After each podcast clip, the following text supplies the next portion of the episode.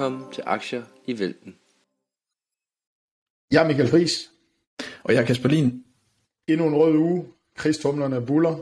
Uh, OMX er 25, faktisk tæt på bærmarkedet. Vi begynder at nærme os med, med 18 procent. Uh, men ingen vej udenom. Vi skal have kåret ugens vinder og taber. Uh, Kasper, så gå i gang med kåring. Jamen det skal vi nemlig, og ser vi på kursen her fredag tidligere over middag, så i C25 har vi vinderen Rockwool igen. Der også var i sidste uge, og i bunden har vi Ambu. Ser vi på hele hovedmarkedet, så er vi ude i United International Enterprises, mens taberen er SAS. Og på First North har vi vinderen Shape Robotics og taberen Brain Plus. Så øh, den samlede vinder på danske aktiemarked blev Shape Robotics, der stiger 23%, og taberen blev SAS, der er nede med de her knap 25% i den her uge. Shape Robotics, nogle nyheder ude, nogen forklaring på det her?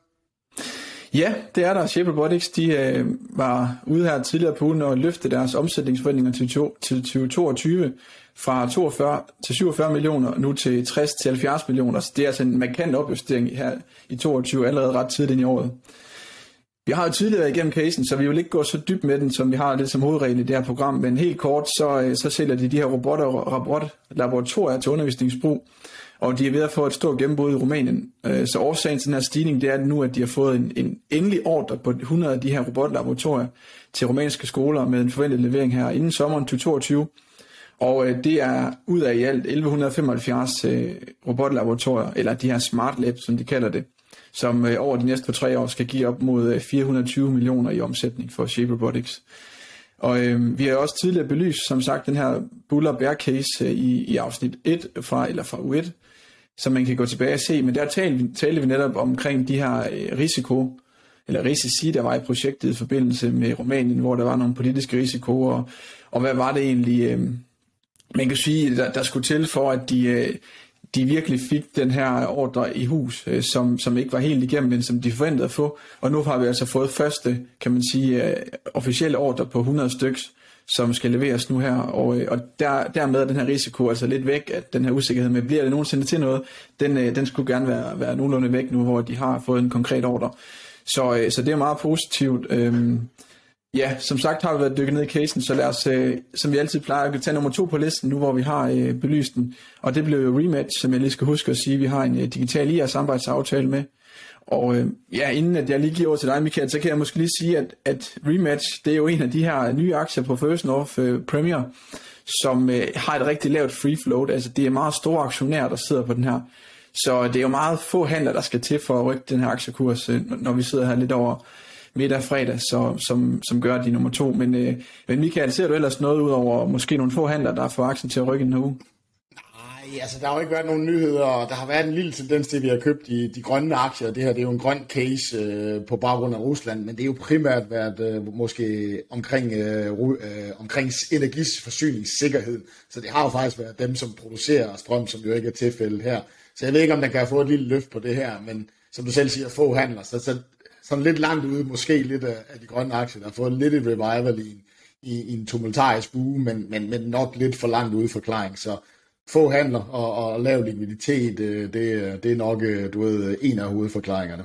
Ja, så store bevægelser, så de andre uger er den måske faldet en del, og så stiger den lidt, og så kører det lidt ja. Øh, med store skub. Men ellers, hvis vi kigger lidt ind i casen på Rematch, som jeg nævnte, var det en af de seneste selskaber, der blev børsnoteret på First North Premier, og øh, vi er ude i et greentech-selskab, som recycler eller genanvender de her kunststofgræsplæner på en miljørigtig måde, og lige nu har de en, en stor fabrik ude i Herning, og har planer om at bruge deres... Øh, 175 millioner for børsnotering til en international ekspansion over de kommende år, hvor at de skal bygge nye fabrikker og kan man sige opskalere den her produktion og den her proces af, af genanvendelse.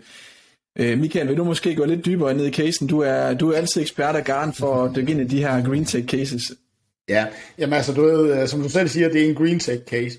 Og, og du ved, det, det, er jo, det er jo meget simpelt øh, udsagn, og så tænker man bare, altså, ved, det, så, så bør det gå af sig selv. Men der er faktisk tre, tre parametre, der altid er, er vigtige at kigge på i sådan en, en, en green case. Det ene det er, at det skal, det skal give økonomisk mening. Og der kan man ligesom sige, at, at, at, at selskabet opgør selv deres omkostning øh, ved at, at, at lave en CO2-besparelse, i stedet for at brænde banen af, men men ved deres mekaniske recycling til omkring 64 altså business casen holder, altså en omkostning på det her 64 euro per ton CO2 sparet. Casen holder, de kan jo både sælge og få penge for at få den ind, men sådan en standalone, skal vi prøve at kigge på nogle af de, de store projekter, sådan noget som elbiler i Danmark, det er sådan 210 euro til 510, hvis man kigger på de forskellige ting. Carbon capture, 70 euro ude i 2030. Så økonomien øh, giver egentlig rimelig mening her, og vi har jo faktisk en CO2-pris, som er kommet tæt på 90 øh, ton øh, på den europæiske referencepris, så økonomien giver sådan en rimelig mening. Det næste, det er, at man skal have en global skalerbarhed, og det har de sådan set. Det er et nicheområde, ja, men den globale skalerbarhed har virksomheden i, i at bygge fabrikker rundt, og, og, rundt omkring. Og det sidste punkt, det er, at der skal være en impact ved det. Altså, vi skal gøre en forskel. Og ved en fuld udrydning øh, op til omkring 25 faciliteter, sådan globalt set, af en dobbelt størrelse af den, vi har i, i, i Herning, jamen der er det cirka 2,1 millioner CO2, øh, ton CO2, der bliver besparet, cirka 6 milliarder plastikposer. Ikke? Så der er en impact. Så de opfylder egentlig de her kriterier, kan man ligesom sige, for, øh, for, for, for at give en, være en green tech med, med de rigtige kriterier øh, indbefattet. Derudover så er der faktisk også, du ved, der er, der er nogle mulige levers derude, der kan gøre casen bedre. Vi har sådan noget som green bonds, altså hvis de kan finansiere noget af det her. Du har CO2-kvoter, hvis de, den her proces kan komme ind under kvotesystemet, og de kan komme ind i det her, jamen så ligger der noget ekstra.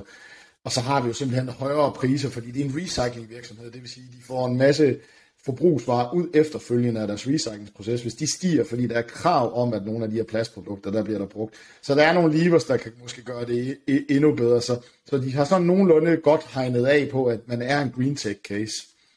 Ja, og øh, det er jo en ting er det en green tech case, som jo tidligere i hvert fald har kørt rigtig godt i 2022, haft det lidt svært i 2021, hvor vi nu også lidt faldet ned, i hvert fald kigge på de store green tech cases ude i på aktiemarkedet. Men hvis vi sådan dykker lidt mere ned i casen, måske er det omkringliggende positivt for dem, de taber ind i et spændende segment, men øh, hvis vi sådan skal, skal belyse casen og mere for de her positive bull case, som vi, vi plejer at gøre, hvad ja. er det så, der skal lykkes for dem?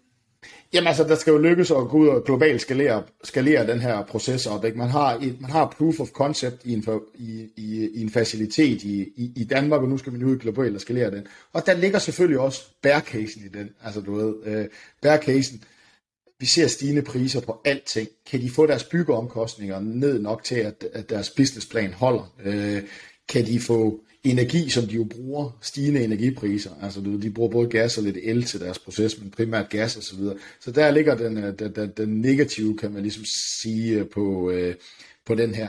Det, der er det positive øh, ved den her case, det er, at det er en mekanisk proces. Altså man går simpelthen ind og skiller delene ad og blæser luft rundt øh, i den her proces og skiller øh, delene ad sådan, hvis man skal prøve at, at bruge nogle andre cases, øh, så, så er det mange af dem er sådan nogle biokemiske processer, som bliver enormt svært at skalere op i store, store anlæg og til rigtig lang tid. Øh, så det er en af de, øh, de positive ting ved det her. Og hvis vi lige så vi kan prøve at gå ned, som du siger, kunststofbaner, et niche, hvor, hvor stort er det her marked egentlig? Øh, det tror jeg, det, øh, det er der mange, der, der tillægger en, en, en bear case på. Øh, men man, man, man, man kan også vende den rundt. Altså, du ved, de ved nogenlunde, hvor mange kunststofbaner der er i verden.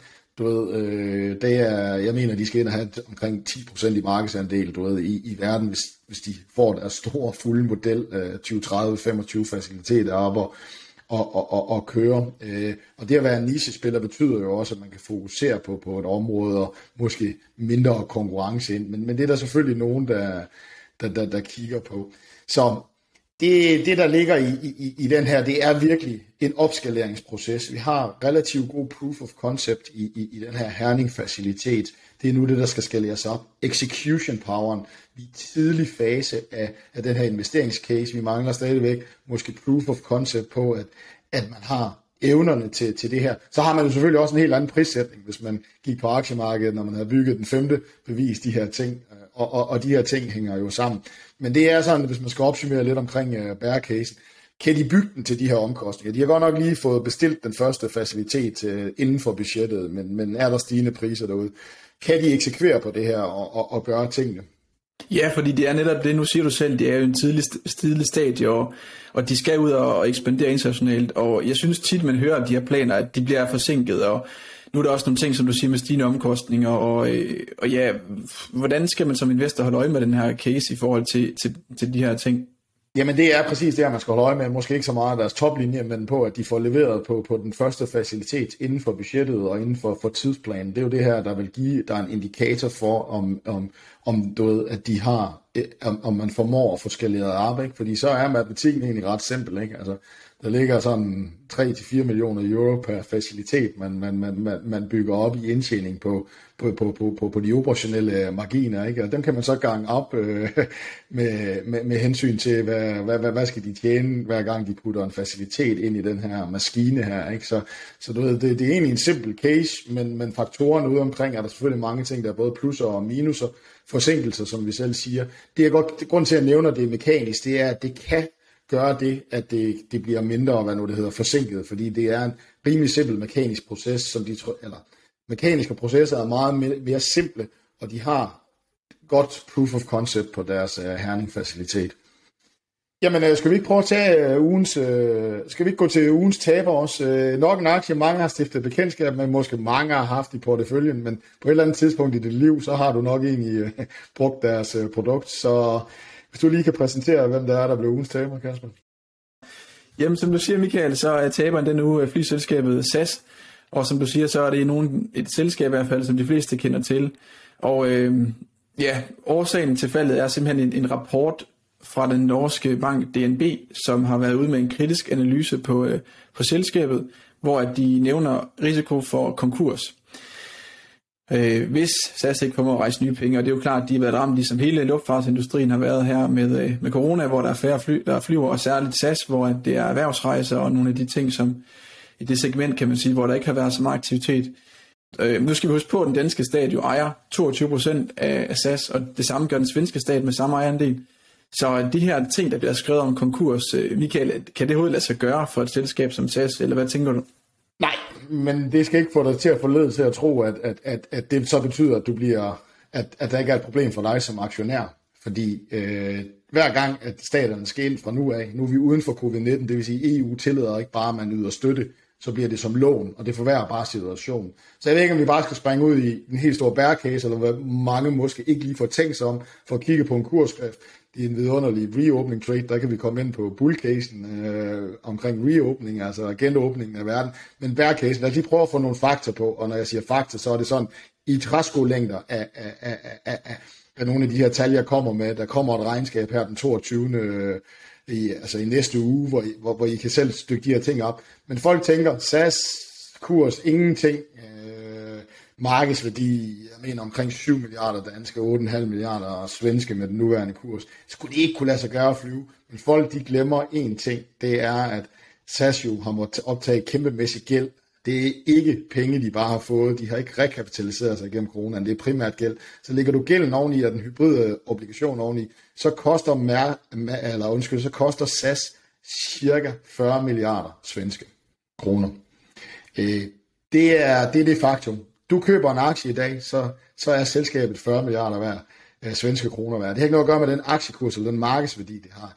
Du, de her gæld skal væk først, og det er det, det, folk nogle gange glemmer, når vi har meget gældsatte virksomheder, vi sammenligner med andre ting. Så, så, så hvis jeg skal prøve at putte det op, så lad os sige, at vi siger PE gange 10, altså cirka 10 gange indtjeningen i, i SAS.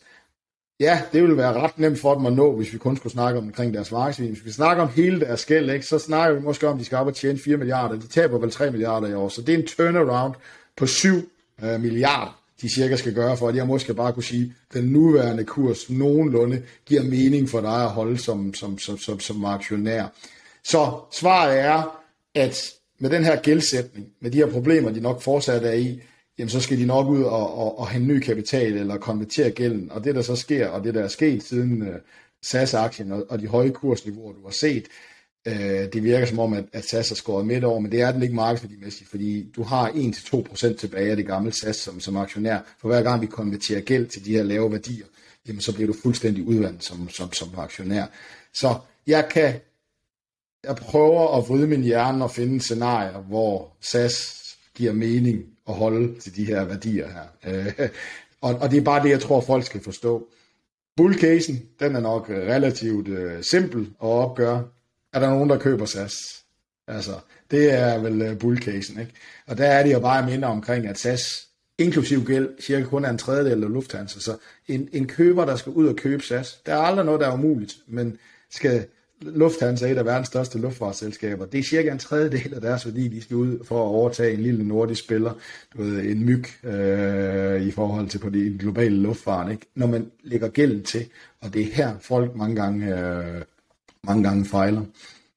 Så er der andre bull cases, fordi bear casen er, at det er umuligt at tænke på, du ved, øh, jeg, har, jeg, har ikke fantasi til at forestille mig, hvordan de skal komme til at tjene de her ting. Den anden, det er reopening traden. Det er derfor mange handler SAS. Vi ser det ligger hos mange private. Folk satser på, at når verden genåbner derude, så løber alle investorerne efter, efter, efter den type af aktier, og så kan man måske være heldig. Så du siger, at de kortsigtede spekulanter kan måske gå ind og kigge, og hvis der sker en eller anden stor stigning lige pludselig, så hoppe på den, og så håbe at være udført den, øh, den sidste fugle, som man siger, øh, køber ind, eller hvordan skal man...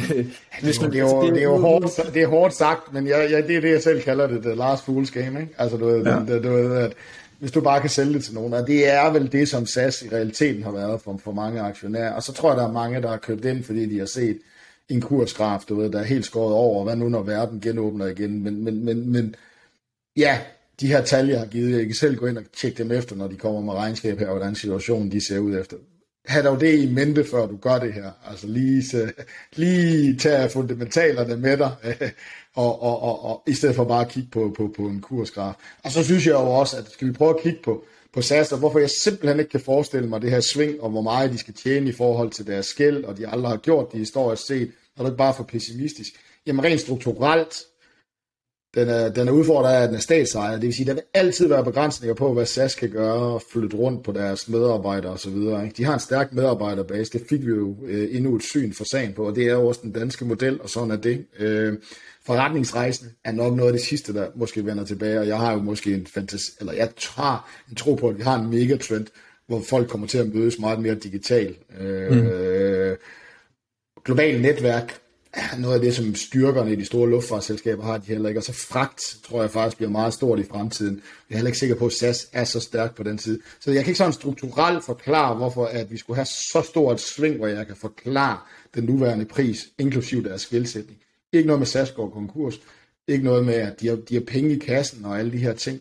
Men jeg kan simpelthen ikke forklare, hvordan værdiskabelsen skulle kunne give dig noget, som, som, som, som, som aktionær er rigtig langt ude. Okay, så øh, man kan sige, der er lidt en konklusion, det er i hvert fald et ordsprog, der hedder, at hvis man gerne vil blive hurtigt fattig, så skal man købe et, et, et luftfartsselskab. Øh, men det er, ikke, det er ikke der, altså nu kan du sige, den er faldet meget nu, men, men, øh, men den kan godt falde endnu mere, siger du. Jamen altså, alt kan jo falde. Altså, det, er, det er indtil vi rammer 90 procent af, af 80, eller af 80 øre, er det ikke det, den handler i dag. Altså, no det, er, det, det, det virker helt usandsynligt osv., men, men det, det er jo nemt nok, for det er jo bare et spørgsmål om, at de konverterer gæld, du ved, måske en 6-7 milliarder for at få en bedre balance. Vi skal huske på, at de skal også ud og lave store investeringer i den grønne omstilling og, og så videre, så de, de kan næsten ikke være så gældsat, som de er, medmindre indtjeningen hurtigt vender tilbage. Øh, så altså, så er du, så er du væk, så er det helt med, med, mekanisk det samme, som skete sidste gang, umiddelbart før deres, øh, deres kapitaltilførsel, hvor 90 procent at dine værdier gik væk fra dig som aktionær, fordi dem, der havde gælden i SAS, kom og tog det. Lige så vel kan det ske lige så hurtigt igen med, med en gældskonvertering, og så er SAS ikke engang af med, med en stor andel af deres gæld. De har selvfølgelig også en masse flyflåde, der delvis kompenserer for det her, men værdien som aktionær er altid, hvis man kan konvertere et aktiv til, til, til, til nogle penge. Øh, så jamen altså, den kan blive opkøbt du kan spekulere i den som en, som en, som en reopening, og det er det begyndt at ske. Øh, jeg kan langt ud forestille mig et eller andet med billige grønne brændstoffer, PTX, fordi vi er stærke her, og de kan få en eller anden base, men du, der, der, der tager jeg nok, altså simpelthen, det er nogen, der har bedt mig om at sige, er der slet ingen mulighed her, altså du ved, så, så det er, øh, alt er muligt, men, men, men, men prøv i det mindste at sætte jer ind i matematikken i forhold til, hvad det er, I køber, og forståelsen af, at SAS er ikke et 8,5 milliarder svenske markedkapselskab. SAS er et 40 milliarder markedkap, inklusiv hybrid øh, egenkapital. Som enterprise value, ikke? Enterprise value, ja. for at bruge det fancy ord. Ikke? Og, og i mindste ser det derind, og hvis, hvis man så vælger at købe den derfra, fair nok, men så har man i hvert fald gjort andet og bare kigge på kursgrafen, hvor man tænker, nej, hvor må der være opside, i tilfælde af, at verden genåbner, og vi igen begynder at flyve. Yes, jamen øh, det kom vi jo igennem øh, ugens vinder og taber, både fra noget robotter og kunststofgræsplæner, og også til sidst øh, op i luften med luftfartsselskab. som godt nok var, var nede og falde her i løbet af ugen. Mm. Øh, men øh, tak fordi I lyttede med her i Aktievælten, og øh, vi høres ved igen i næste uge.